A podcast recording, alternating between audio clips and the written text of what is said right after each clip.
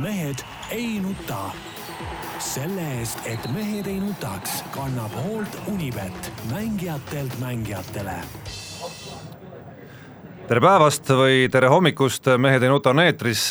Ja olgu kohe tõe huvides ära öeldud, et äh, oleme väikese nihkega, nimelt äh, paar tundi enne meie õiget äh, kella üheteistkümnest aega oleme sunnitud selle saate täna ära salvestama, sellepärast et näen siin ka ekraanil, meil on äh, mees nimega Jaan Martinson äh, tagasi teel Mehhikost ja istumas hetkel Amsterdami lennujaamas, ootamas oma äralendu, mis peaks toimuma täpselt meie saate tavapärasel äh, toimumise ajal, kui see kõik ikka loomulikult toimub. ma saan aru, Jaan kibeleb seal hirmsasti, sellepärast et ta nägi Amsterdami lennujaamas kusagil Läti hindadega viskit müügil ja nüüd ta on täis elevust ja täis äh, täis tohutut tahtmist kiiresti selle saatega saada ühele poole, et ikkagi, et jõuda oma varusid täiendama, Peep Pahv loomulikult ja väga erksas tujus Peep Pahv on meil ka siin olemas ja Tarmo Paju on siis täna siin puldi taga, tere Jaan!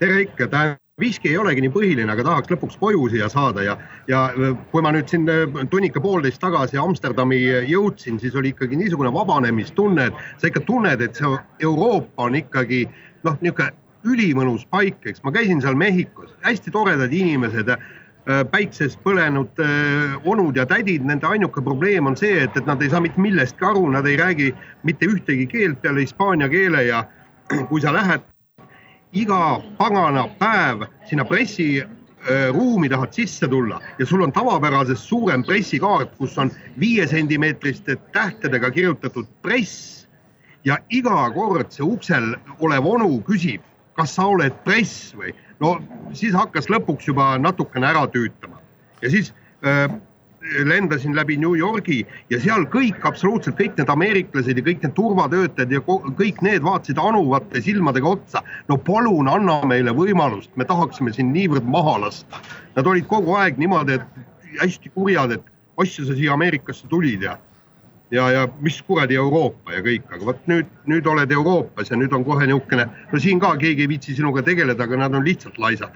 no ja Jaan, aga sa oled ju varem ju käinud ka sellistes kohtades ja me kõik oleme käinud, me teame, et, et äh, Euroopast väljapool, ütleme, on ta siis Aasia pool või, või on ta seal, seal teisel pool Ameerika pool, et ega seal ongi asjad niimoodi, noh, et äh, ega nad ei saagi seal millestki aru, noh.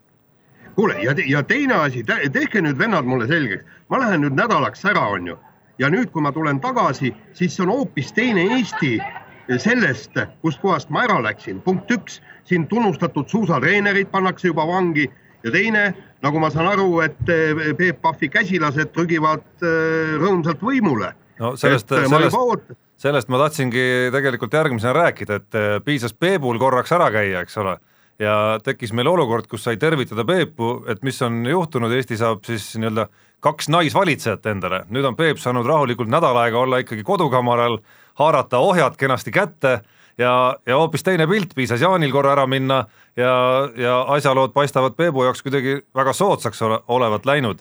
ehk siis äh, midagi ei ole teha, Peep, tuleb alustuseks sinu juurde pöörduda, eelmises saates sa äh, nõudsid Jüri Ratase verd sisuliselt nõudsid, et äh, mees pärast valimistulemusi lahkuks oma koha pealt, sellepärast et see kaotus oli niivõrd hävitav. Tundub, et tuleb oma sõnad tagasi võtta. no mees eh, suutis teha korrektiivid, ütleme, et kaotuse pöörata võiduks ja, ja, ja tegelikult on õige, no see, see kuramuse feminismi paraad tuli siin ära lõpetada, mis siin Eestis oleks, oleks toimunud, et selles suhtes on kõik, kõik väga hästi ja, ja, ja, ja tegelikult vaadates nüüd muidugi kogu seda nii-öelda peavoolumeediat, mis, mis, mis kuramuse umbluud siin aetakse, kui, kuidas võib-olla tekkiv koalitsioon EKRE, Isamaa ja, ja, ja Keskerakonna vahel on, on Eestile kahjulik ja, ja, ja kahjustab meie mainet ja ja, ja, ja ei tea, mis, mis kõik siin kõik välja mõeldakse ja ja, ja hirmu küllatakse, siis ausalt öeldes mul on nagu, nagu, nagu kuidas ma ütlen, kurb on lugeda, kuidas eh, muidu täie mõistusega inimesed külvavad lihtsalt eh, paanikat, et see on, see on häbiväärne ja, ja see on, see on käsitamatu lihtsalt, mis, kuidas nagu sellele reageeritakse mingid demagoogilised võtted, kuidas see uus eh,, kuidas, kuidas loeti kokku mingite parteide eh, ütleme protsendid, et rahvas nagu hääletas, ütleme kokkuvõttes mingisuguse sellise suuna poolt ja, ja nüüd nad seda ei saa ja nii edasi. kuule, tulge, tulge kurat mõistusele, ükski ei ole mõtet lugeda kokku neid äh, mingeid umbluuparteisid ja mingeid hääli ja panna, panna ka Keskerakonda, Reformierakonda ühte patta, kus see, kus see, kus see Keskerakond nüüd järsku nii, nii liberaalne ja tore partei on, et siin alles mõni aasta tagasi ei sobinud nendega üldse koostööd teha, tead nüüd on, nüüd on niisugused liberaalid, et las aga olla, et, et see on nagu paljude suust, mis tuleb, on ikka demagoogia kõrgeim tase, et see on, see on häbiväärne.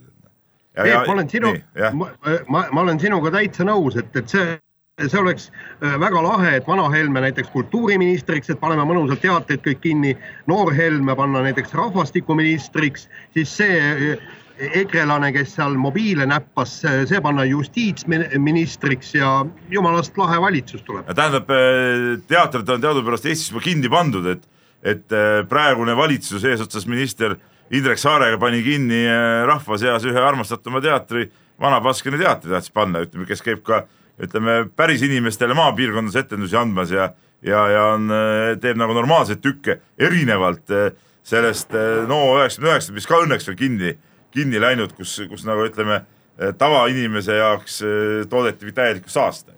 aga ma pean siiski selle jutu kokkuvõtteks ütleme nii palju, et sa ei saa, Peep, salata, et ja see on nüüd sõltumata tegelikult, millistest valimistest me räägime ja millisest potentsiaalsest valitsusest me pärast seda räägime, see osa nüüd, mis praegu käib, siin nii-öelda see läbirääkimiste osa, on selles mõttes muidugi üsna nauditav osa, ma ei tea, kas Aktuaalset Kaamerat vaatasid eile ja Priit Kuuse intervjuud Jüri Ratasega. Et et see osa sellest protsessist on nüüd väga nauditav, kus tõmmatakse, eks ole, maha kõik see valimiste-eelne selline nagu kärts-mürts, kõik lubadused, kellega me teeme koostööd, kellega me ei tee koostööd, mis tingimustel me mitte mingil juhul, millist, millest me ei loobu mitte mingil juhul, kus need nii-öelda punased jooned kõik tõmmatakse maha ja siis äh, seistakse silmitsi nende küsimustega, et oot-oot, aga te ütlesite ju siin paar kuud tagasi ütlesite nii, on ju, ja siis, kuidas vennad peavad vingerdama seal, et see Jüri Ratase äh, intervjuu eile Priit Kuusele oli muidugi omaette klass, ma soovitan vaadata seda. ei, ma olen nõus, ma kahjuks ma ei näinud, sest ma käisin eile ja see ei puuduta ainult neid, ja see ei puuduta ainult neid valimisi, vaid ja. puudutab ka eelmisi, mäletate, kui Reformierakond seal tuli välja pärast valimisi oma äh, ütleme siis täideti ära see nii-öelda nagu see lubaduste pool, aga siis tuli välja ports asju, mida nii-öelda kulu poole pealt polnud räägitud enne valimisi, et see osa on nagu ikka nagu noh, mõnes mõttes nauditav muidugi. ei, see ongi nauditav. mõnes mõttes traagiline siiski nagu, ka. see on nagu mängu ilu. aga mõnes mõttes ka traagiline. ei, mis siin traagilist ei ole nagu midagi, et tegelikult tõmmati need äh, punased jooned juba maha siis, kui Kaja Kallas või värviti nii-öelda ülevalgeks, kui Kaja Kallas tegi äh, Keskerakonnale ettepaneku koalitsiooni astuda, et äh, kahe nii erineva maksupoliitika nägemusega parteid ei oleks ka saanud ju mitte kuidagi oma lubadustest taganemata eh, koostööd teha, olgem ausad. noh, sel hetkel muidugi tegelikult ju nii-öelda selle praeguse koalitsiooni või planeeritava koalitsiooni läbirääkimised käisid juba, nii et tegelikult peab vist ütlema, et ei, isegi kui nad poleks käinud, ikkagi nad ei oleks et... saanud seda, seda teha, sest et need maksupoliitilised nägemused on nii erinevad, ei olegi võimalik ja, ja ja ma ütlen nii, et punaseid jooni ületamata või kustutamata ei olegi võimalik koalitsiooni teha. Noh. et äh, kokkuvõtteks peab vist ütlema, et Jüri Ratas äh, kõva mahhinaator ikkagi, Edgar Savisaare nii-öelda väärikas mantlipärija, mäletate, vanasti valimised käisid alati niimoodi, et äh, vahet ei olnud, mis tulemused, küll Savisaar ikka lõpuks nii-öelda tõmbas selle kõige õigema jänese kübarast ei, vastupidi, Savisaar ju, Savisaar ju lükati kõrvale mitu korda, vaatamata valimistulemustele, tead noh. no Tallinnas eelkõige. et, et selles suhtes, no Tallinnas jah, sai ta küll alati hästi asju ajada, aga aga ei, ma ütlen, et tegelikult ma ei saanud sellest ka eile aru. mingid inimesed avaldasid nagu imestust, et oh, et see oli nagu üllatav, et, et Keskerakond, Isamaa ja, ja EKRE nüüd nagu koos seda asja mehkerdab, mis see oli ju, kuigi ma ei ole mingi poliitikavaatleja, eks ole, aga ma ikka jälgin asju suhteliselt tähelepanelikult, mis oli ju kohe näha, et see asi sinna suunda liigub, vaadake, mis juttu Isamaa no, kogu aeg on rääkinud. ei no see oli näha sellest hetkest, kui Jüri Ratas ütles oma võidukõnes Keskerakonna Äh, valimispeol Saku Suurhallis, et tema teeb kõik, et ikkagi olla valitsuses edasi, samas ta oli enne öelnud, et äh, tema jaoks on ainult peaministri koht nii-öelda vastuvõetav, järelikult jäigi üks variant üle ainult, mille kallal, mille kallal mees tööle asus. kuule, lõpetame selle teema, ma lihtsalt tahan tervitada ühte väljaannet.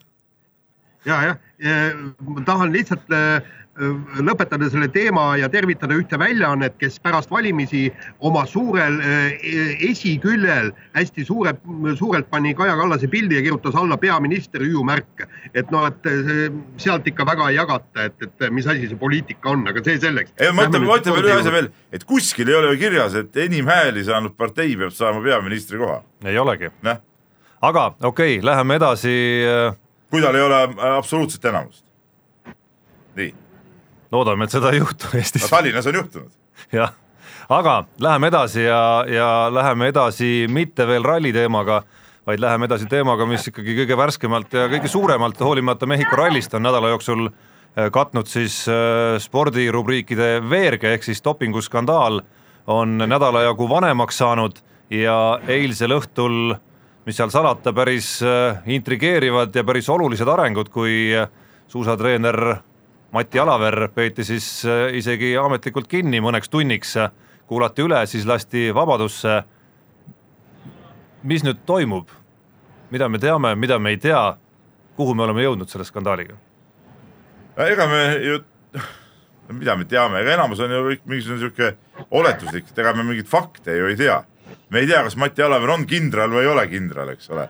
me nagu eeldame ja oletame, et on no välis... sa kirjutasid tänase loo pealkirjas ikkagi juba väga selgelt aga,, et tema ongi kindral. aga seal jutumärkides, jutumärkides nii-öelda kindral, seda saab tõlgendada nii ehk naa, aga see tugines ikkagi äh, välismaa kolleegide avaldustele, et, et, et äh, oli, oli ju eile, eile, vot mul nüüd see nimi praegu läks seal meelest ära, kes see äh, Saksa ajakirjanik, kes seda pani Twitterisse. Hajo Seppelt. jah, Hajo Seppelt jah, jah, et, et ähm, et noh, tema ütles, et, et see Mati Alaver ongi siis see salapärane kindral, kellest siin ka päev varem oli räägitud, kes siis Aleksei Poltoraninit siis äh, vahendas sinna äh, dopingu doktor Schmidi juurde ja, ja praegult äh, see ei ole nüüd mingisugune faktide väljaütlemine, aga praegu kõik märgid liiguvad küll sinna suunda, et Mati Alaveril oli selles võrgustikus ikka suhteliselt oluline roll ja, ja, ja mulle tundub, et, et tegelikult jättes nüüd kogu selle spordivärgi kõrvale et eh, Mati Alaveri jaoks see võis olla ka rohkem nagu äriline roll ikkagi.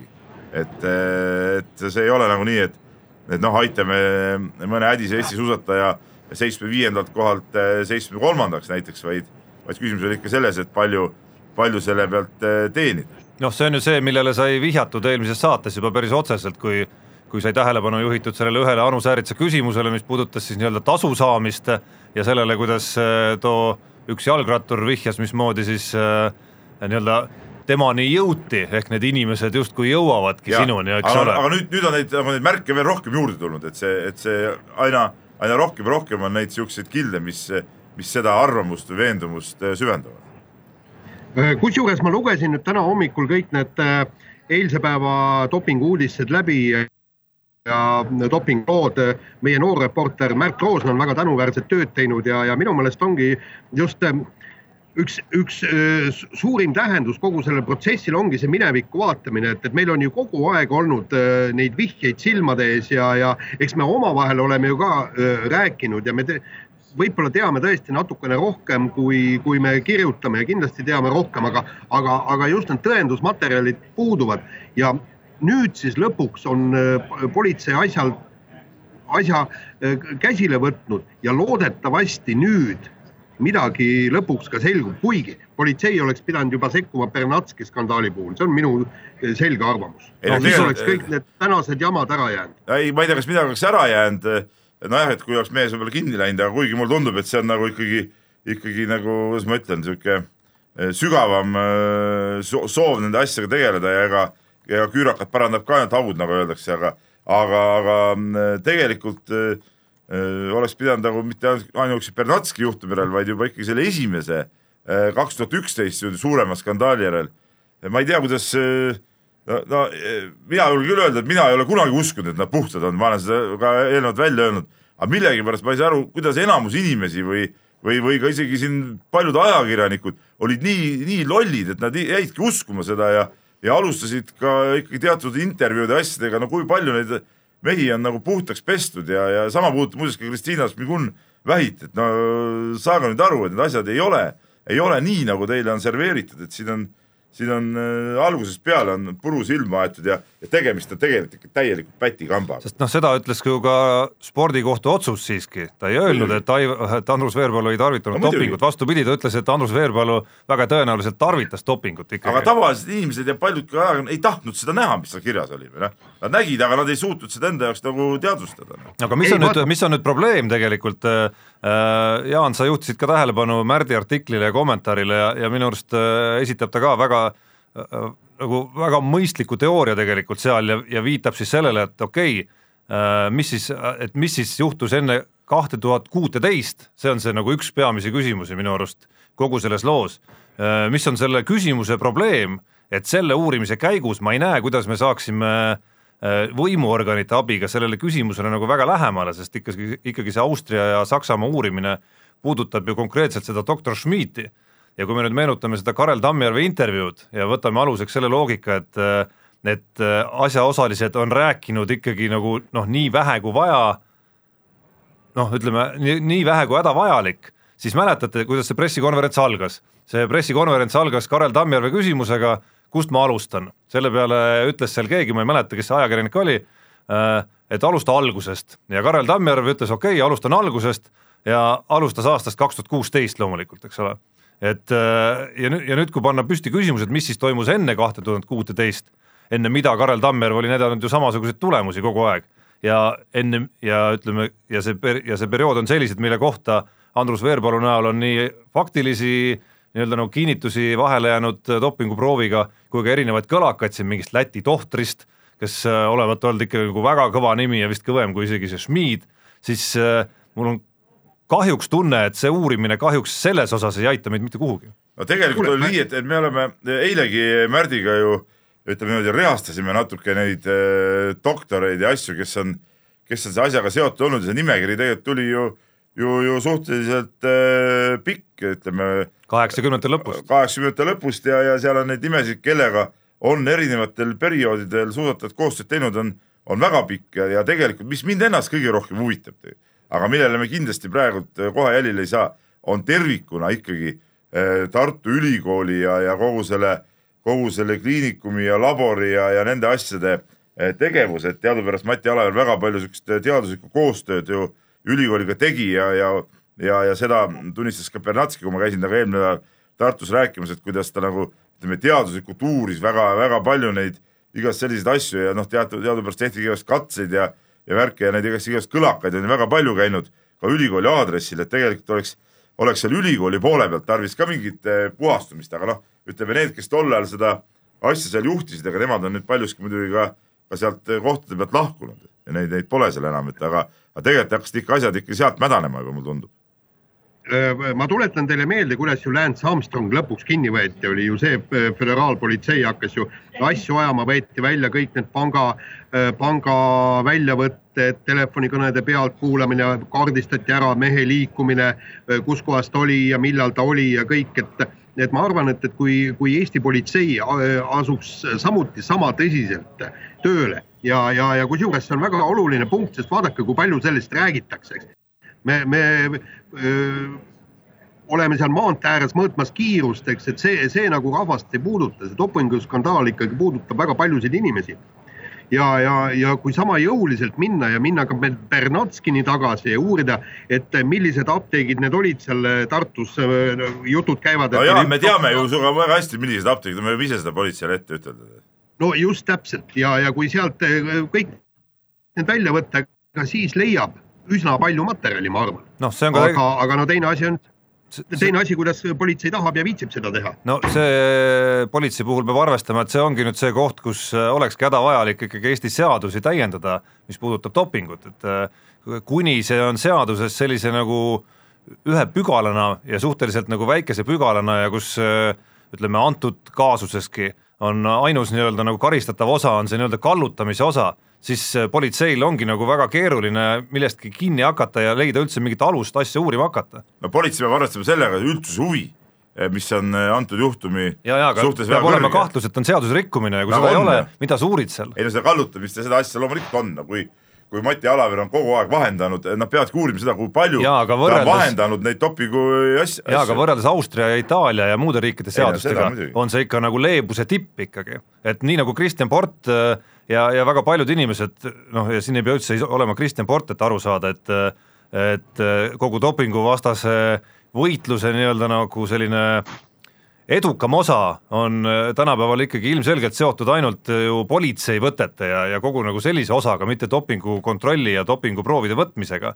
et siis järelikult, äh, et mingit edu siin Eestimaal ka kuidagi saavutada, mitte loota siin mingitele Austria uurimistele, ainus variant ongi esiteks oma seadused viia karmimaks ja siis on ka põhjust ja alust politseil rohkem vaeva näha sellega. jaa, aga see praegult kuniks seaduse karmimaks muudetakse, on see case juba ammu kustunud, et praegult ma, mina leian, et meie kõige suurem lootus ongi just see Austria ja ja, ja, ja Saksamaa uurimised ja, ja eriti Austria see seadusandlus, eks ole, et, et et kuna ka nagu rahvusvahelise meedia kaudu on tulnud välja, et, et Mati Alaver ikkagi ka seal uuritakse tõsiselt, et siis eh, see tähendab seda, et ikkagi ütleme, seal see karistus ja need asjad võivad olla, olla ikkagi märksa karmimad ja seal võetakse seda asja märksa tõsisemalt.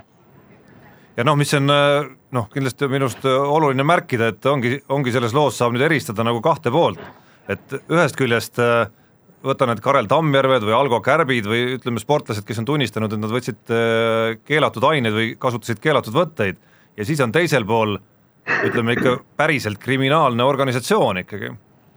et, et, et sealt jookseb päris suur vahe ikkagi, et mulle tundub, et nende rikkumiste kaalud on ikkagi, ikkagi märkimisväärselt erinevad, üleüldse on väga raske muidugi pärast seda skandaali ja vaadates Karel Tammjärve ja Andreas Veerpalu kohti sealjuures äh, kuidagimoodi kujutada sinisilmselt ette, et, et need meie suusatajad olid ainsad maailmas või on ainsad maailmas, kes, kes nagu mingite asjadega tegelevad, no see on nii absurdne kui üldse võimalik. aga kindlasti mitte jah, kindlasti mitte. aga no nüüd on, me ei ole rääkinud Veerpalude rollist veel. et eh, mis rollis on eh, Andrus ja Andres Veerpalu, no Andres Veerpalu on selge, et tema oli nagu, nagu üks tarvitajatest, aga, aga Andrus Veerpalu, kes on eh, nagu maa alla vajunud, et noh, talle omaselt. et, et mind nagu huvitab kõige rohkem see, et, et kui, kas tal oli seal ka mingi roll, et kui Mati Alaver oli oli kindrali staatuses nii-öelda väidetavalt, siis kas Andrus Veerpalu oli mingi noh, oli ta leitnant või, või seersant või, või praporšik või, või, või, või kes ta siis oli seal, et mis tema roll nagu oli, et see on, see on ka nagu väga oluline küsimus. on ta leitnanti tüüp üldse või? No, inimesena? pigem on ta praporšiku tüüp, ma arvan, et, et lükata-tõmmata Mati Alaveri poolt. nii, aga selle küsimuse me peame õhku jätma ja ja vahetame saate osa, läheme kiire vahemängu juurde ja laseme siia vahele ka väikese kõlli. Saab tasuta vaadata aastas enam kui viiekümne tuhande mängu otseülekannet. seda isegi mobiilis ja tahvelarvutis. Unibet, mängijatelt mängijatele ja kiire vahemängu alustuseks läheme tagasi Mehhiko ralli juurde, sinna, kust Jaan siis hetkel on tagasiteel. Andreas Mikkelsen, kes tol päeval oli Mehhiko rallil esimene startija, elas siis üle väikese meeleoluka hetke, kui avastas enda ees ühe tee, mille oli kinni pannud värav, ehk siis auto tuli seisma jätta, kaardilugeja läks, võttis värava lahti, pani kivi ilusti ka, et see rohkem avatuks ei läheks. täitsa normaalne värk vist Mehhikos, Jaan no ütleme niimoodi, et hea, et see värav ei olnud veel lukus, et vastasel korral ilmselt oleks vist kiiruskatse ära jäetud, aga teine asi on ju see, et, et miks mitte teha niisuguseid nii-öelda lisakatseid pilootidele, et, et mõnel kiiruskatsel võibki olla niimoodi, värav on kinni, siis tuleb seal seisma jääda, värav lahti teha ilusasti, läbi värava sõita, jälle värav selja taga kinni panna, et, et see annab nagu nendele kaardilugejatele natukene võimaluse ennast liigutada ka ja ei no ja, ja las tegelikult nad treeni-. Jaan, vanasti ja. oli selline asi nagu automi mitmevõistlus, kus oli üks osa oli ka vigursõidul ja vanasti ka autorallil oli muuseas minu arust vigursõidu etapid, et seal, seal mina ise sõitsin kardiga muuseas ka vigursõit, seal oli niisugune asi, et tuli eh, võtta niisugune rõngas posti otsast, teha ära tiir ja panna rõngaseteks tagasi. praegu võiks rallis olla samasugused asjad, sõita ussi, sõita kaheksat eh, ja nii edasi, et see oleks nagu, teekski palju huvitavamaks, et see oleks olnud silmad ruutus selline kihutamine, vaid, vaid, vaid ongi osavus, mängud ka seal sees. no et veel elulisemaks asja ajada, siis annaks ju mõelda, mida päriselus tehakse selliste kihutajatega, ehk et politsei hakkab taga ajama, ühel hetkel, kui muud moodi kätte ei saa, visatakse mõni siil näiteks tee peale ette või midagi sellist, on ju. et nagu värvi nagu juurde kuule, aga kas ei olnud kunagi ka äh, sõjaväe autojuhtide mitmevõistlus, kus ne, kusjuures nad pidid seal veel ka automaadist tulistama ja seal oli läbima ka takistusraja ja midagi äh, niisugust. seal oli veel selline asi ka, et äh, gaasimaskist tuli sõita, et sul lasti, lasti siukest tossust pidid läbi sõitma, see toss tuli kõik kabiini ja sa pidid gaasimaskis autoga sõitma, et mina, mina tean sellist asja.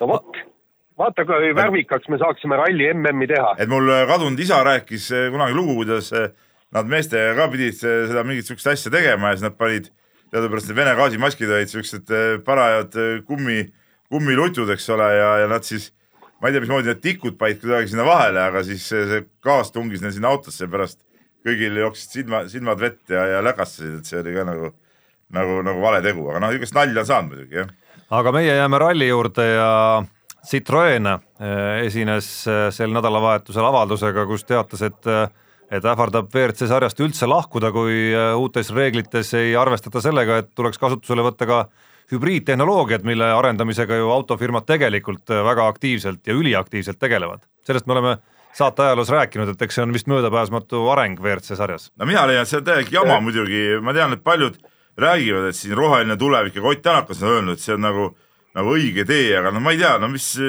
mis, mis kuradi hübriid või mis elektrimootorid. küll sõidad on... sinagi, Peep, mäletad, kunagi oli aeg, kus sa ütlesid, et äh, sina mitte kunagi automaatkäigukastiga autot ei võta, sa oled isegi avalikult minu arust öelnud seda meie saates kunagi algusaastatel. ei kunagi, läinud. aga Postimees töö juurest anti selline. ei läinud, sa, sul oli siiski valida, Peep. ei olnud valida. ära hakka, ära hakka üldse hämama selles osas nüüd ma olen valinud jälle manuaali endale. ja ma ennustan, Peep, et sinu eluea jooksul jõuad sa ka mõne hübriidi või, no, või, või ühesõnaga mõne autoga sõita, kus ei ole ainult siis äh, mo-, see, see nii-öelda klassikaline mootor. ei no okei okay,, tavaliikluses, ma ei räägi sellest, ma räägin praegu rallisõidust, et et rallis tundub see niisugune vaikne susi nagu elektrivormeridki, noh, see ei ole nagu õige asi, tead noh, et, et ja, ja ma ei tea, mingist, mingist CO ja ma ei tea, mis see kõik mingi, mingi, mingi jälle mingi kapitalistide välja mõeldud umbluu, ma arvan lihtsalt, et noh, tegelikult. Peep, Peep, ma käisin rallil ja tegelesin selle teemaga ja, ja sellest tuleb äh, Eesti Päevalehes peagi ka artikkel. ma tean, ma tean jah, jah, su teema. jah, just ja, ja ma käisin äh, Hyundai bossi juures äh, rääkimas ja tema ütles täpselt sama resoluutselt nagu ka Citroeni boss, et nemad lahkuvad täiesti raudselt MM-sarjast ja ta põhjendas ka, ütles, et, et milleks on vaja minevik, tähendab, ütles, et autotehastel ei ole mõtet panna miljoneid ja miljoneid mineviku süsteemide arendamiseks, sellepärast et tulevik ongi see kogu see hübriidindus ja kõik. Tommy Mäkinen Toyotas jäi kahtlevale seisukohale ja ta ütles, et ähm, tegelikult äh, on ikkagi praegusel juhul see hübriid tuleb rohkem niisugune naljanumber et, et noh, et võib-olla ülesõitudel kasutada kõik, ta ütles niimoodi, et ikkagi praegu selle hübriidjõu ülekannet, mis, mis suudaks anda kolmsada kakskümmend ja rohkem hobujõudu, et seda praegu siiski veel ei ole. et, et saaks pika rallipäeva ära sõita, aga ta ütles, et, et mitte midagi teha ei ole, paratamatult peab seda teed minema ma küll ei saa aru, miks peab seda teed minema, aga okei okay,, las ta. no sest autotööstus läheb sinna teed, väga lihtne. aga me vahetame teemat. sama ja..., samasugune lollus, kui diiselautosid ei tehta, nagu diisel kõige õigem asi üldse.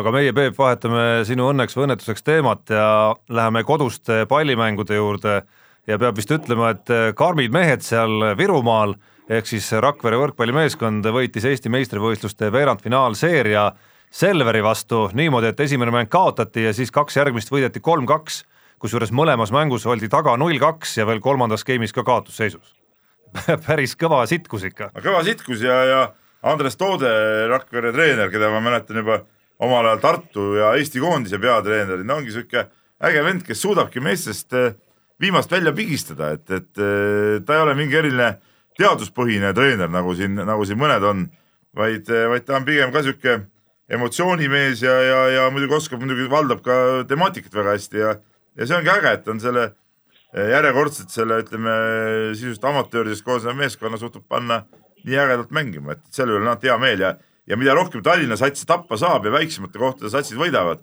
seda suurem hea meel mul alati on loomulikult. no võrkpallis on äh, Tallinnal kuidagi väga väga, keeruline väga kehva see seis jah, et kaks, kaks Tallinna meeskonda on ja mõlemad jäid äh, poolfinaalist välja.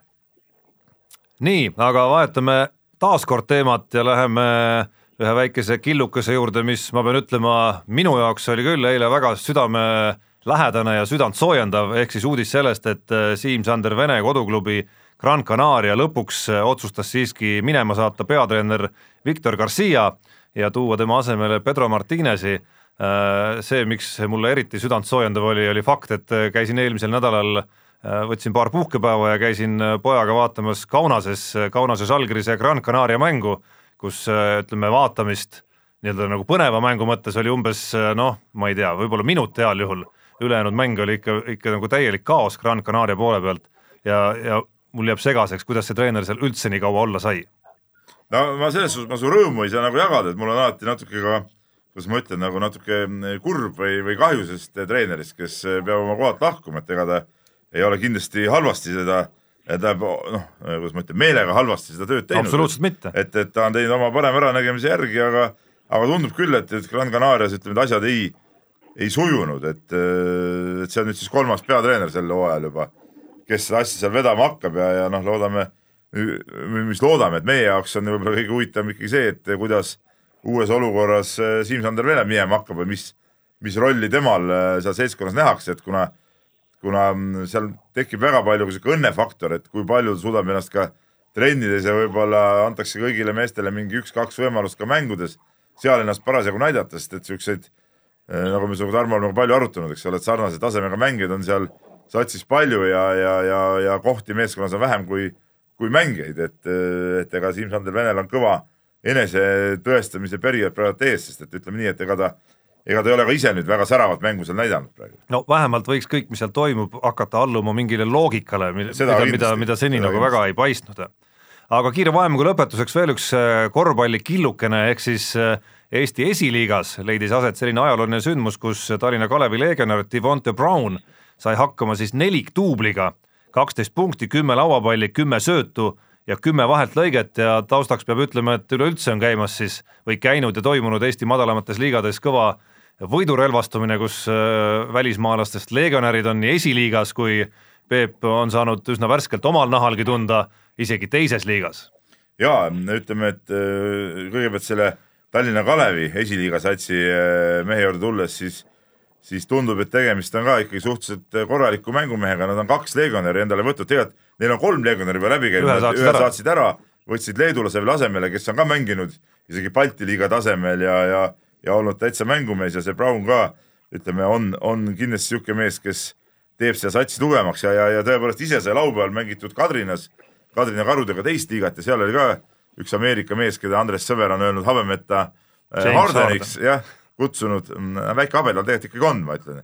aga, aga, aga ütleme nii, et selle mehe tase kindlasti on üle äh, Eesti teisest liigast, et tegemist on väga hea mehega ja vestlesin seal ka kohapeal Gerd Kullamäega kes küll selles mängus ise kaasa teinud kerge vigastuse tõttu, aga, aga oli seal no, Kadrina meeskonda pingil meeskonda ergutamas ja, ja ta veel pool naljatamise ütles, et kui ma oleks Tallinna Kalevi peatreener, siis selle mehe võtaks kohe sinna satsi.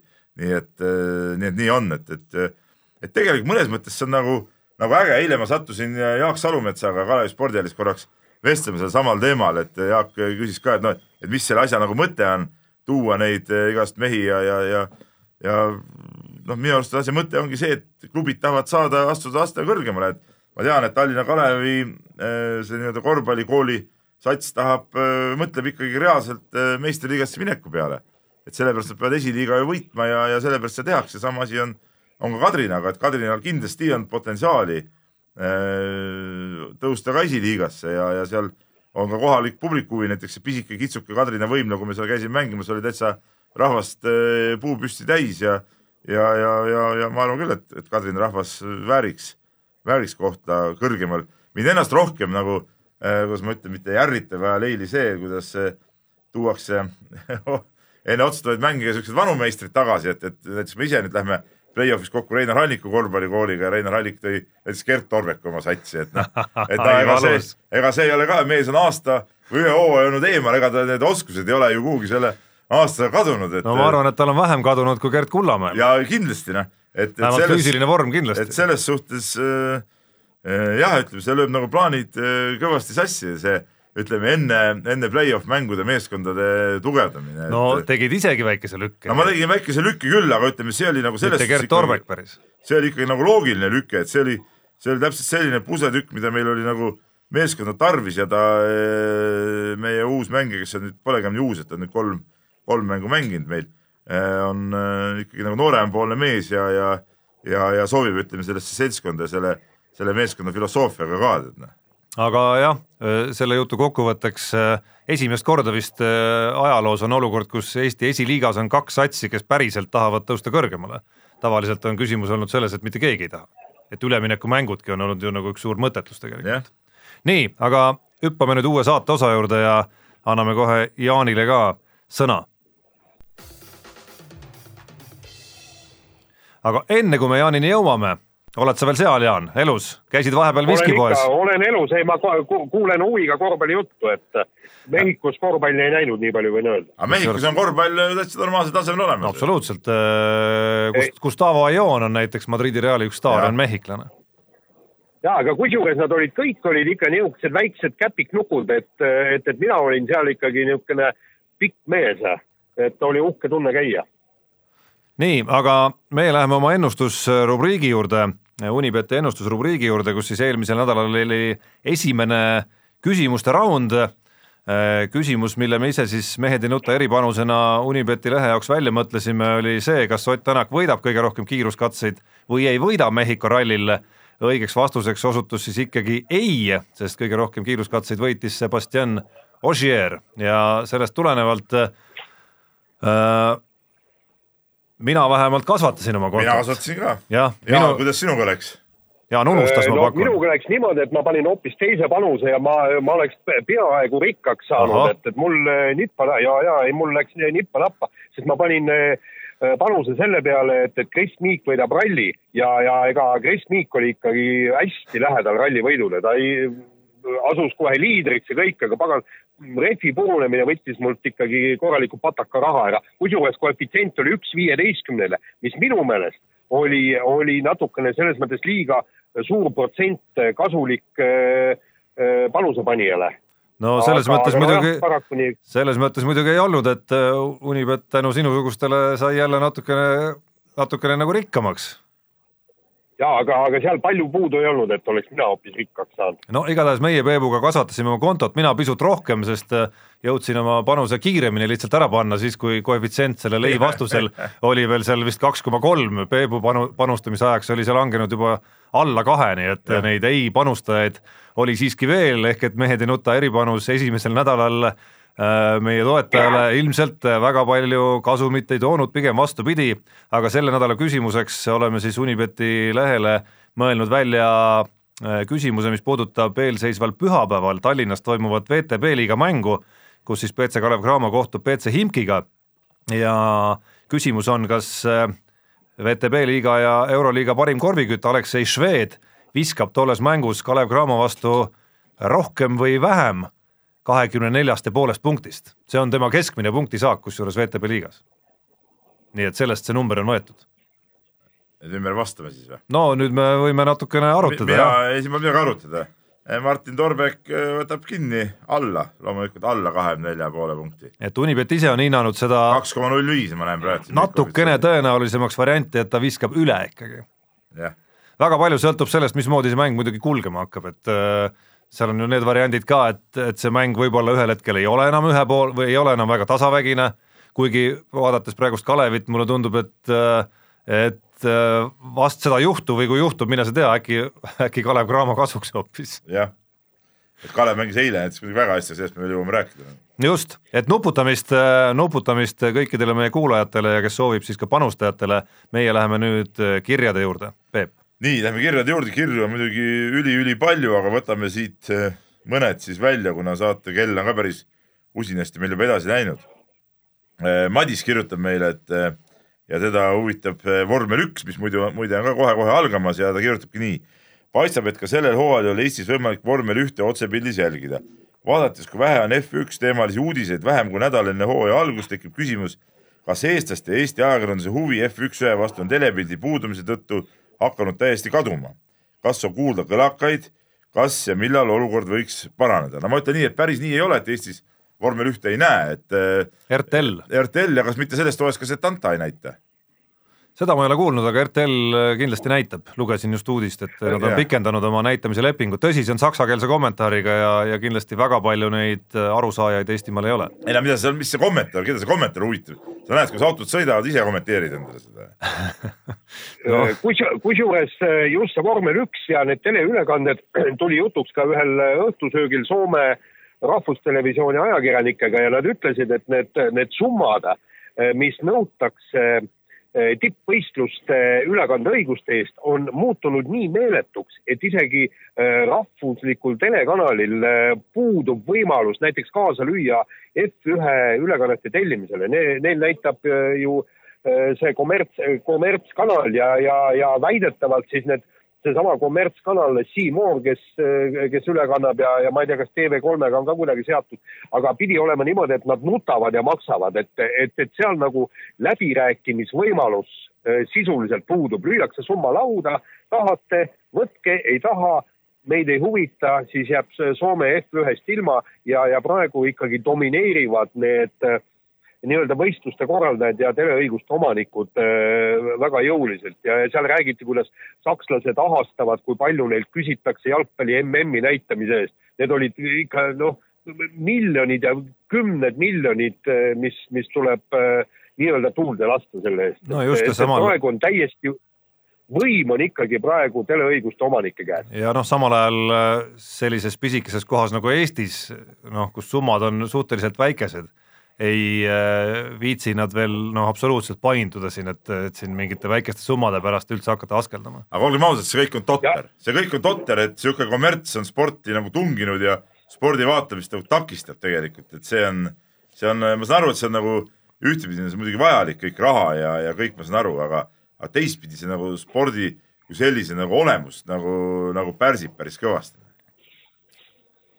nii, aga lähme, lähme kirjadega edasi, siin on veel teleülekannetest äh, ka huvitav küsimus Eh, Marek kirjutab meile ja küsib nii, et eh, see hooaeg on tekkinud mingi kummaline asi, et WRC etappide Power Stage katseid kannab üle korraga nii ETV kaks kui Kanal kaksteist.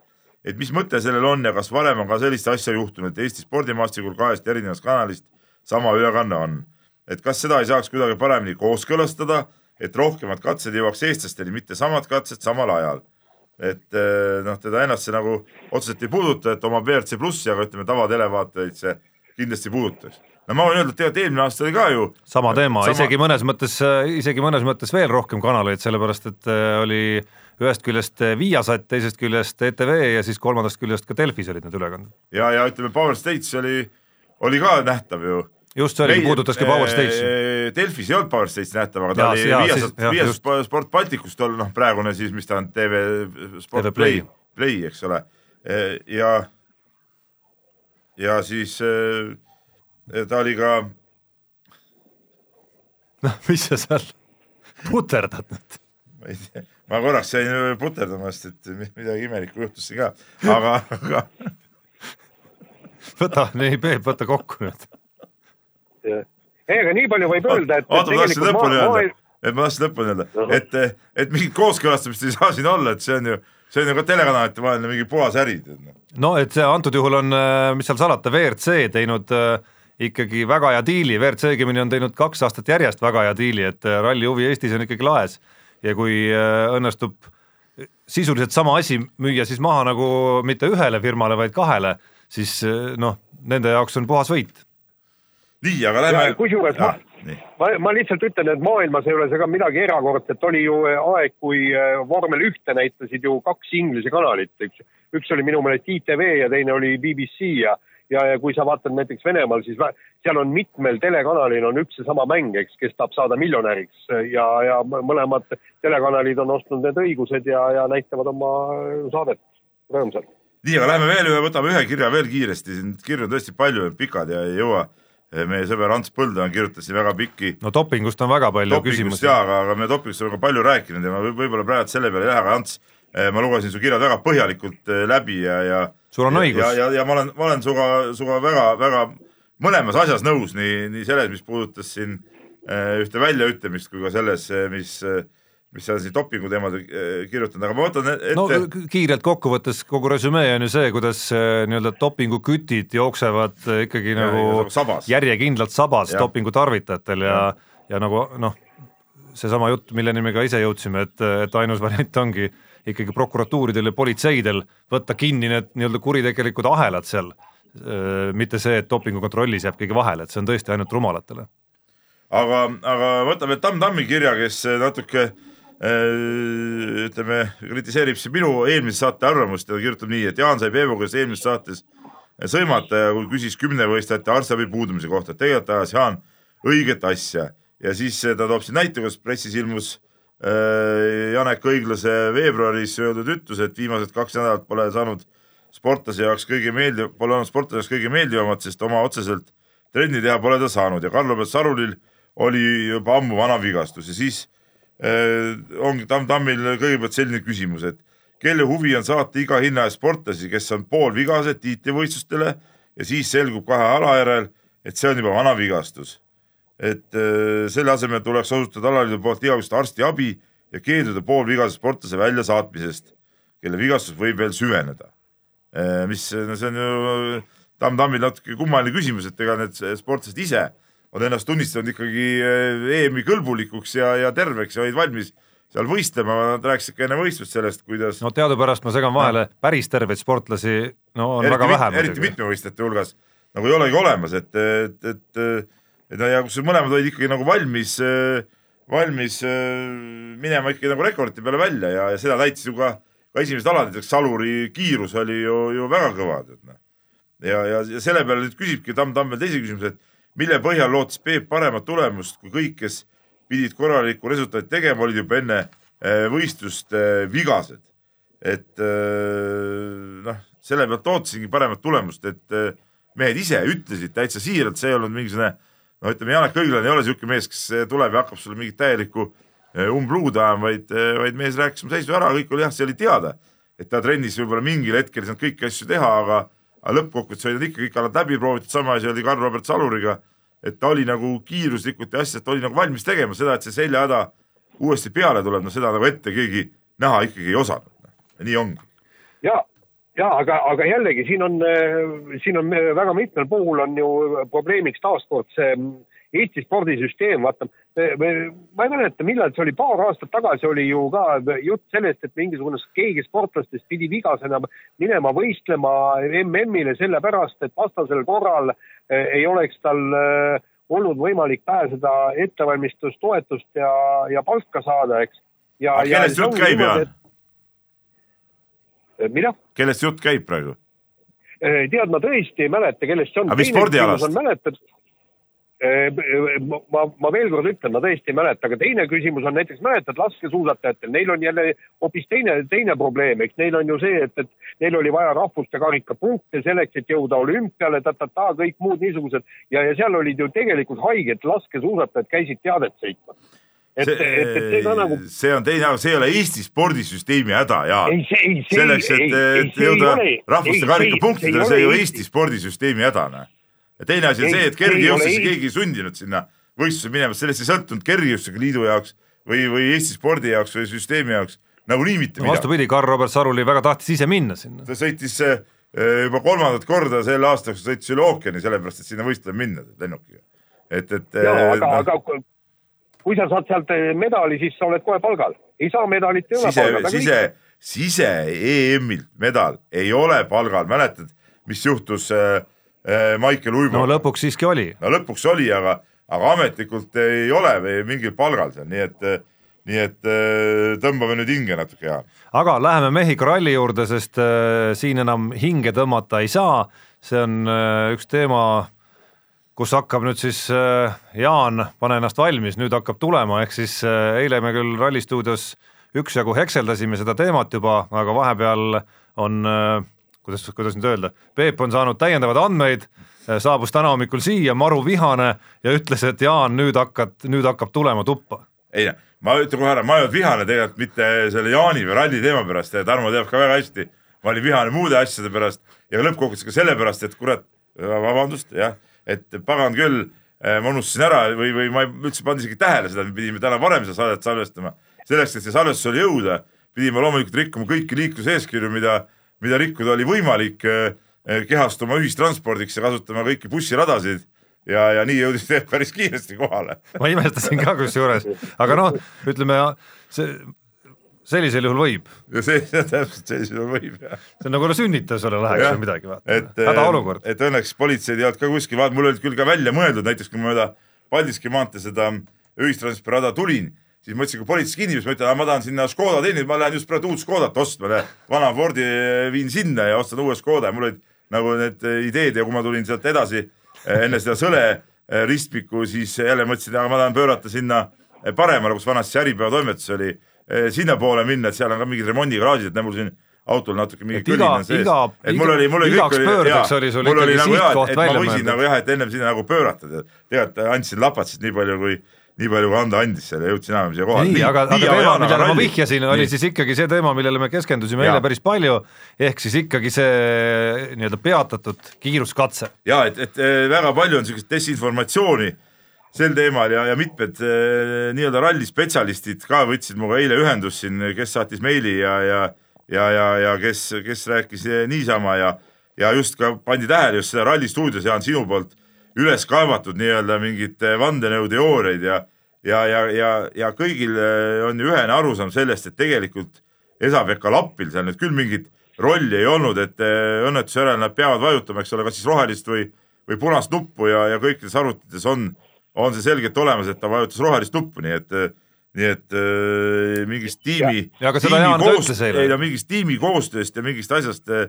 rääkida ei ole küll no mitte mingisugust põhjust Peep, ma, ma veel kord ütlen, me rääkisime pikalt nendest hallidest ja mustadest tsoonidest, kust mäng käib, eks üks oli ju see, et. ei aga mis, aga milles see hall tsoon nüüd seal seisnes siis?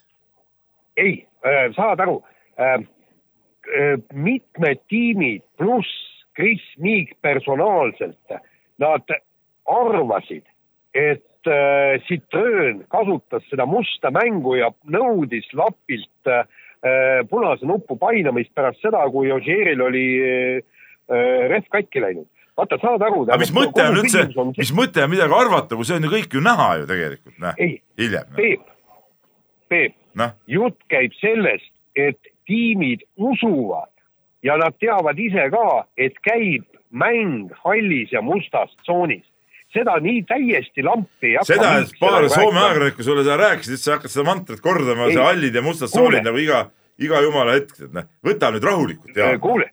see ei ole, ja peale selle, kuule. sa loe, sa, sa, sa loe, sa loe seda, mis kirjutatud on. seal oli ju see Chris Meek personaalselt ju võttis selle asja ju käsile, ta sõimas selle kuradi Citrooni läbi ja see oli pikad artiklid on nii autospordis kui ka, äh, kui ka. aga ta, aga ta vaband-, aga ta vabandas ka pärast selle pärast et.... ja just, aga, aga kogu minu idee on selles, et kõik teavad ja arvavad, et säärased mängud käivad. ei no jaa, aga siin, Jaan, Jaan, aga saad sa aru, siin ei saa ju olla mingit mängu kui äh, see oleks nagunii välja tulnud ju, kas ta vajutas või ei vajutanud, noh. ei no see en, mäng enne... saab ju, see mäng saab ju olla, et kas äh, nii-öelda FIA lihtsalt ilma selle, ilma selleta, et Citroenist keegi oleks kõne peale tõmmanud FIA-sse äh,, nii-öelda no, nägi mis... ise olukorda ja otsustas no, no, soosida. see ei ole ju, see ei ole ju mingisugune mäng, miks nad peaksid ühte tiimi soosima, noh. sellel ei ole nagu mingit pointi ei, aga Peep, tee, tee oma, palun, tee oma need äh, arvutused ära, vaata, seal on väga, väga täpselt on näha äh, Ossier splittide vaheajad, eks kui ta eelviimasest viimase splitini, kui ta kaotas äh, kaheksateist kopikatega sekundit, äh, mis tähendab, et ta viis-kuus sekundit kaotas kilomeetri kohta, nii. FIA lisas viimasest splitist kuni finišini, mis oli kaks kilomeetrit, ta lisas ainult neli koma neli sekundit. huvitav, kas FIA inimesed ei oska arvutada või? Nad näevad ju täpselt ära, kui aeglaselt sõidab Ossier täpselt sama oli Chris Meek sõitis katkise rehviga, kaotas ka viis pluss sekundit iga kilomeetri kohta. ja millegipärast otsustas FIA lisada Ossier ajale ainult kahe kilomeetri peale neli koma neli sekundit. see, see ei ole mitte kuskilt maalt loogiline, okei okay,, lõpptulemus sellest ei muutunud, aga minul on ikkagi tõsine küsimus et miks, miks tehti niisugune arvutus? pluss, see kaotus võiks ju iga järgneva saja meetriga võib-olla natuke kasvada veel. ei, ei mis ta kasvama ei pea, aga, aga Jaan, aga sa olid ju seal, seal äh, kohal, miks sa ei küsinud seda küsimust siis? ei ole kelleltki küsida, ei ole, ole kelleltki küsida, ei aga... ole, no seal need äh, FIA inimesed ja, ja peakontori vennad, ega jällegi, eks et seal on need vennad, kes, kes tõesti pääseksid võib-olla sinna ligi, nemad ka küsima ei läinud, ma, ma ei tea isegi, kus neil see kontora on ja kes need, need, kes need võistluste otsuseid tegid, need tulid ju alles hiljem välja, okei okay,, ma olen tõesti selles suhtes ebapädev, aga teine küsimus on ju ka FIA-le selles, et miks nad lasid siis, miks sai Elfin Evans ja, ja kes see seal veel oli, Chris Meek, eks ju nemad pääsesid lapist ilusasti mööda, mingit probleemi ei olnud, telepildist oli kõik näha, aeglane kurv, probleeme ei tekkinud, neid hoiatati ja kõmm, siis kui äh, Osiel on rehv katki, järsku hopa, tühistame katse ära. nii et no,, no, äh, nii et Jaan, sa oled siis sellel arvamusel, et FIA soovib Osieed äh, veel kord maailmameistriks, jah? Ei, aga, aga millise järelduse siis ei, sina ma, sellest teed? ei, mina ei tee mingeid järeldusi, mina ei, mina, ma ei olnud seal. ega mina ka ei tee järeldusi, mina lihtsalt loen ja. faktid, faktid ritta, aga tühja sellest eh, FIA-st. räägib ära Ott Tänakust, tegelikult Ott, Ott ju sõitis elus esimest korda startis esimesena parimalt või kõige, kõige kehvemalt stardikohalt ja tegelikult sõitis täiesti suurepäraselt. vaata, ma tegin selle võrdluse eelmise aasta äh, Äh, eelm-, eelmise aasta Thierry Neville'i äh, esimese stardikohaga. Äh, Neville kaotas esimese päeva lõpuks kaks minutit üks sekund. Ott Tänak minu mäletamist mööda kolmkümmend seitse sekundit. et see näitab tegelikult, kuivõrd hästi Ott suutis sõita, okei okay,, need teed võisid olla natukene paremad võrreldes eelmise aastaga, aga ikkagi, et, et, et kaotada nii vähe ja, ja olla suures mängus juures Äh, suures mängus sees. et, et äh, see, see, see oli noh, väga kena sõit ja kuigi okei okay,, äh, seal hakkasid kõikidel probleemid tekkima, ainukene, kellel tõsist probleemi ei olnud, oli Elfin Evans. Oti probleem oli see, et tal ikkagi punktikatsel rehv läks ja sinna, sinna ikkagi kadusid noh, head äh, punktikatsepunktid, no ma ei ütle, et, et kas, kas on viis punkti, neli punkti, no kolm punkti oleks ikka välja sealt pigistanud, võib-olla ka viis, eks.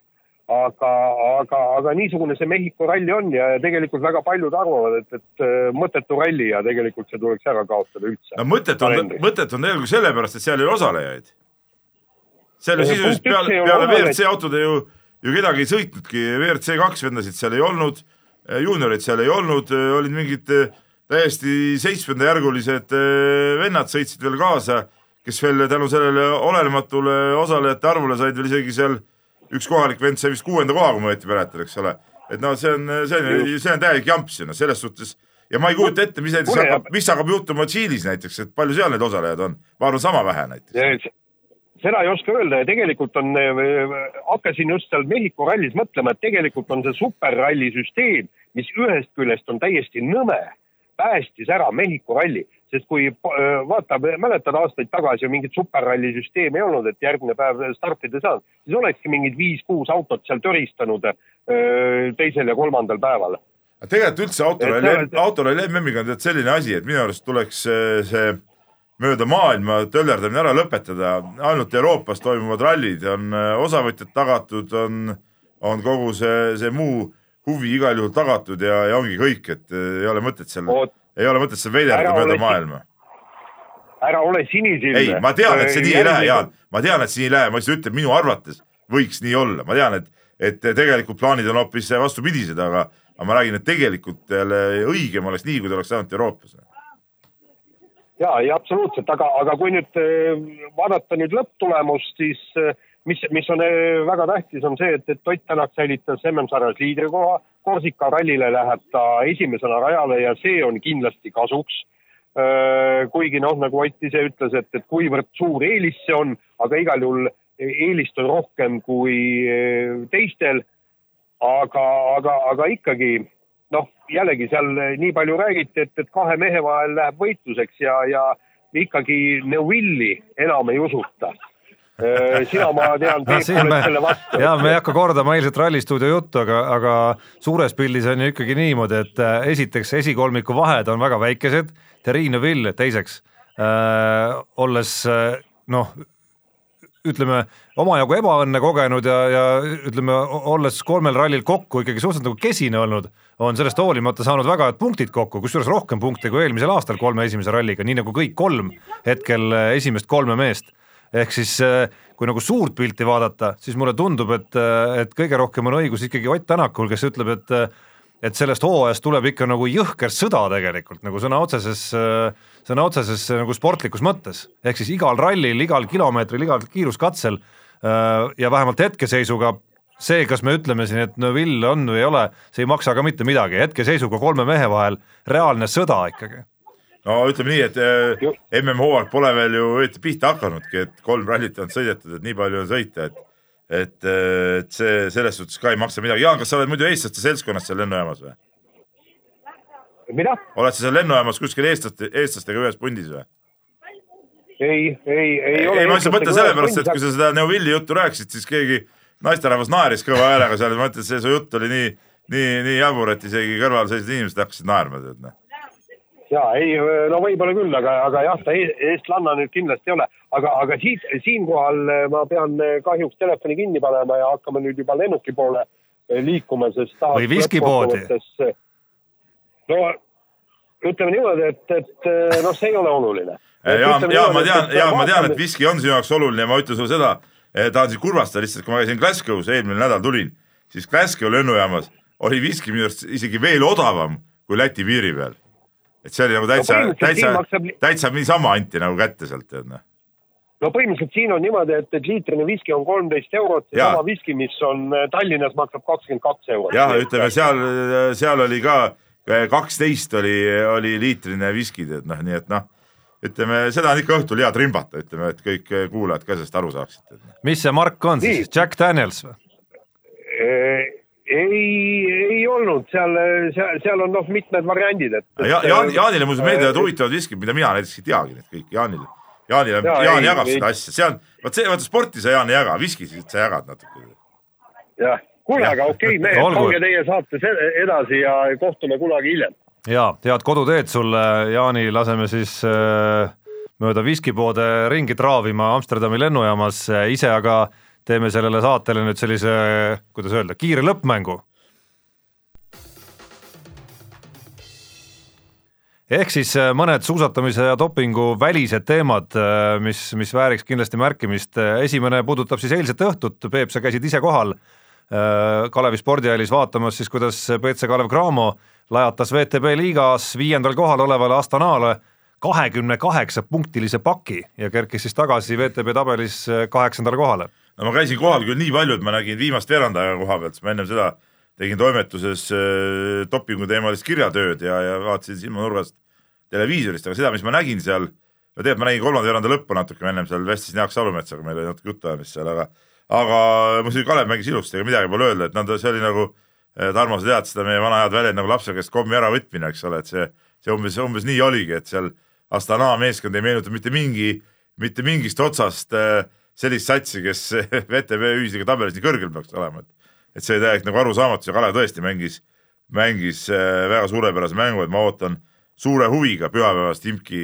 vastu kohtumist, et, et muidugi kuidas Imki laseb mängida Kalevil ja aga, aga, aga kui sama hästi mängitakse, võib sellest tulla väga, väga kõva asi, et soovitan kõigil saali tulla. no Imkil ei ole ka selline peatreener, kes kuidagi väga äh kes kuidagi väga leebelt, ma arvan, võtaks ja, ja Himkil ei ole ka VTB tabelis selline seis, et ta saaks VTB liiga äh, mängudele kuidagi nagu natukene leebemalt tulla, pigem vastupidi, ma arvan, et see nende fookus ongi ikkagi praeguses hooaja faasis nüüd VTB liiga peale minema, sest minemas, sest Euroliigas edasipääsu lootused on ikkagi nagu väga ähmaseks muutunud. ei maksa unustada, nad võitsid hiljuti CSKA-d VTB-s, mis on ikka väga kõva näitaja. kusjuures ma üritasin siin täna hommikul või oli see eile õhtul, vahet ei ole isegi, natukene nagu nii-öelda äh, teha niisugust kodust analüüsi, vaadata Kalevi järelenud mängude graafikut, pluss siis Kalevi põhikonkurentide Nižni Novgorodi ja Saratovi Avtodori järelenud mängude graafikut.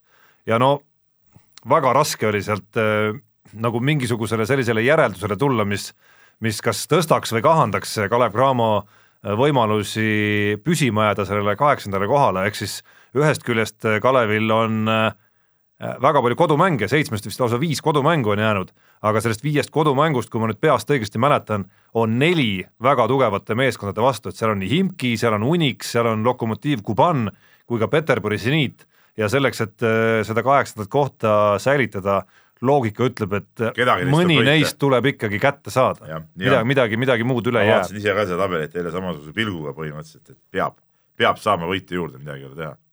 aga läheme jalgpalli juurde nüüd äh, ja hoolimata talvest ja, ja väga sobival nädalavahetusel, ehk siis lumi ei olnud veel maha tulnud uuesti, suudeti alustada siis koduse jalgpallihooajaga ja see algas kohe pauguga, ehk siis Nõmme Kalju, kes eelmisel hooajal päris ajaloolise tähisena ei kaotanud Eesti liigas ühtegi mängu, sai siis kohe esimeses voorus tiitlikaitsjana lüüa Paide linnameeskonnalt.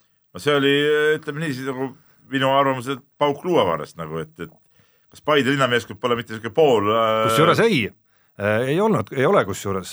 Või? ma pean Ah. ütlema, ma tunnen ennast isegi natuke eksperdina, no mitte päris, ma ei taha ennast võõraste sulgedega ehtida, nimelt kui ma käisin äh, sealsamas Kaunases, siis oli mul autos loomulikult palju aega ja ma kuulasin enam-vähem kõik Delfi tasku podcast'id ära, mis viimasel ajal ilmunud, sealhulgas ka äh, Rauli veetava, Raul Ojassaare veetava Futboliidi värske, mis oli väga pikk ja mis keskendus siis Eesti liiga algusele, põhimõtteliselt oman kerget tea-, taustateadmist äh, kõikide meeskondade kohta ja see oli loomulikult üllatus, aga ka nemad juhtisid seal tähelepanu sellele, et, äh, et Paide on teinud väga häid vahetusi ikkagi kahe hooaja vahepeal. ehk siis, ehk siis tugevdanud ühest küljest paari kogenuma Eesti mängijaga oma kaitset ja ja need legionärid, kes sinna tulnud on, osutusidki esimeses mängus päris võimekateks, nii et et ses mõttes päris luuavarrest äh, see kindlasti ei olnud, aga, aga Nõmme Üllatus Kalju aga Nõmme Jääb Kalju vaatenurgast huvitav. Ja, ja ütleme, tahtmata kuidagimoodi päriselt eksperdina siin kõlada ja, ja viitan täiesti ausalt, et mu teadmised pärinevad sellesama podcast'i kuulamisest, soovitan teistelegi, siis äh, mulle näib ja mulle näib, et ka esimene voor kinnitas seda mingil määral, kui see Kalju osa nüüd välja arvata, et tõepoolest äh, koduses liigas äh, ta, nagu tase on läinud mingil määral kahe hooaja vahel paremaks. Aga noh, seda peavad nüüd tõestama suvel, eriti mis tippe puudutavad, siis euromängud, kas see nagu päriselt ka niimoodi on. aga jalgpallist veel, jalgpalli meistrite liigas leidsid aset siis äh, päris vägevad draamad.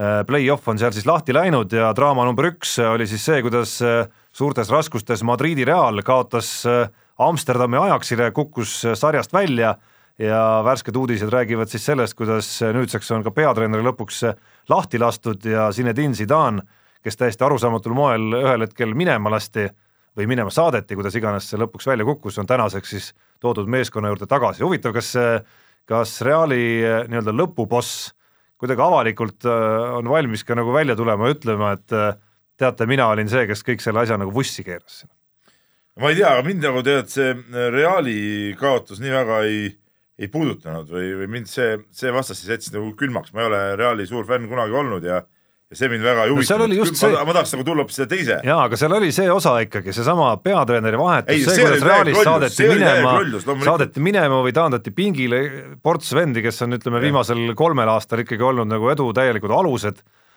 kuidas boss tahtis ikka ise olla boss, mitte anda peatreeneril luba mingeid otsuseid teha, mille Jaa. peale Zidane läks minema.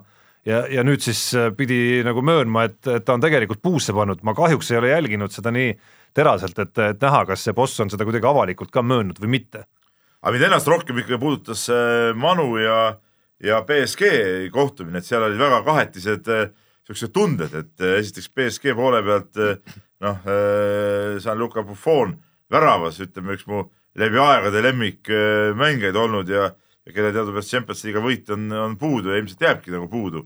et tema, tema taas järjekordne langemine ja teisalt jälle ikkagi see Manu äh, Manu äh, sihuke, ütleme nagu, nagu enese, kuidas ma ütlen, kahekümne aasta taguse aja nagu, nagu taas, taaskordamine ja Ole Gunnar Solskjaeri äh, kehastuses, eks ole, et, et noh, saabki kevadel saab kakskümmend aastat sellest legendaarsest finaalist, kui nad tulid äh, Bayerni vastu äh, ütleme kaotusest välja üle minutitel ja lõpuks võitsid finaali, et et noh, kas kõik kordub see aasta, et, et see mõnes mõttes, see on niisugune selle mõttega nagu päris äge mängida nagu.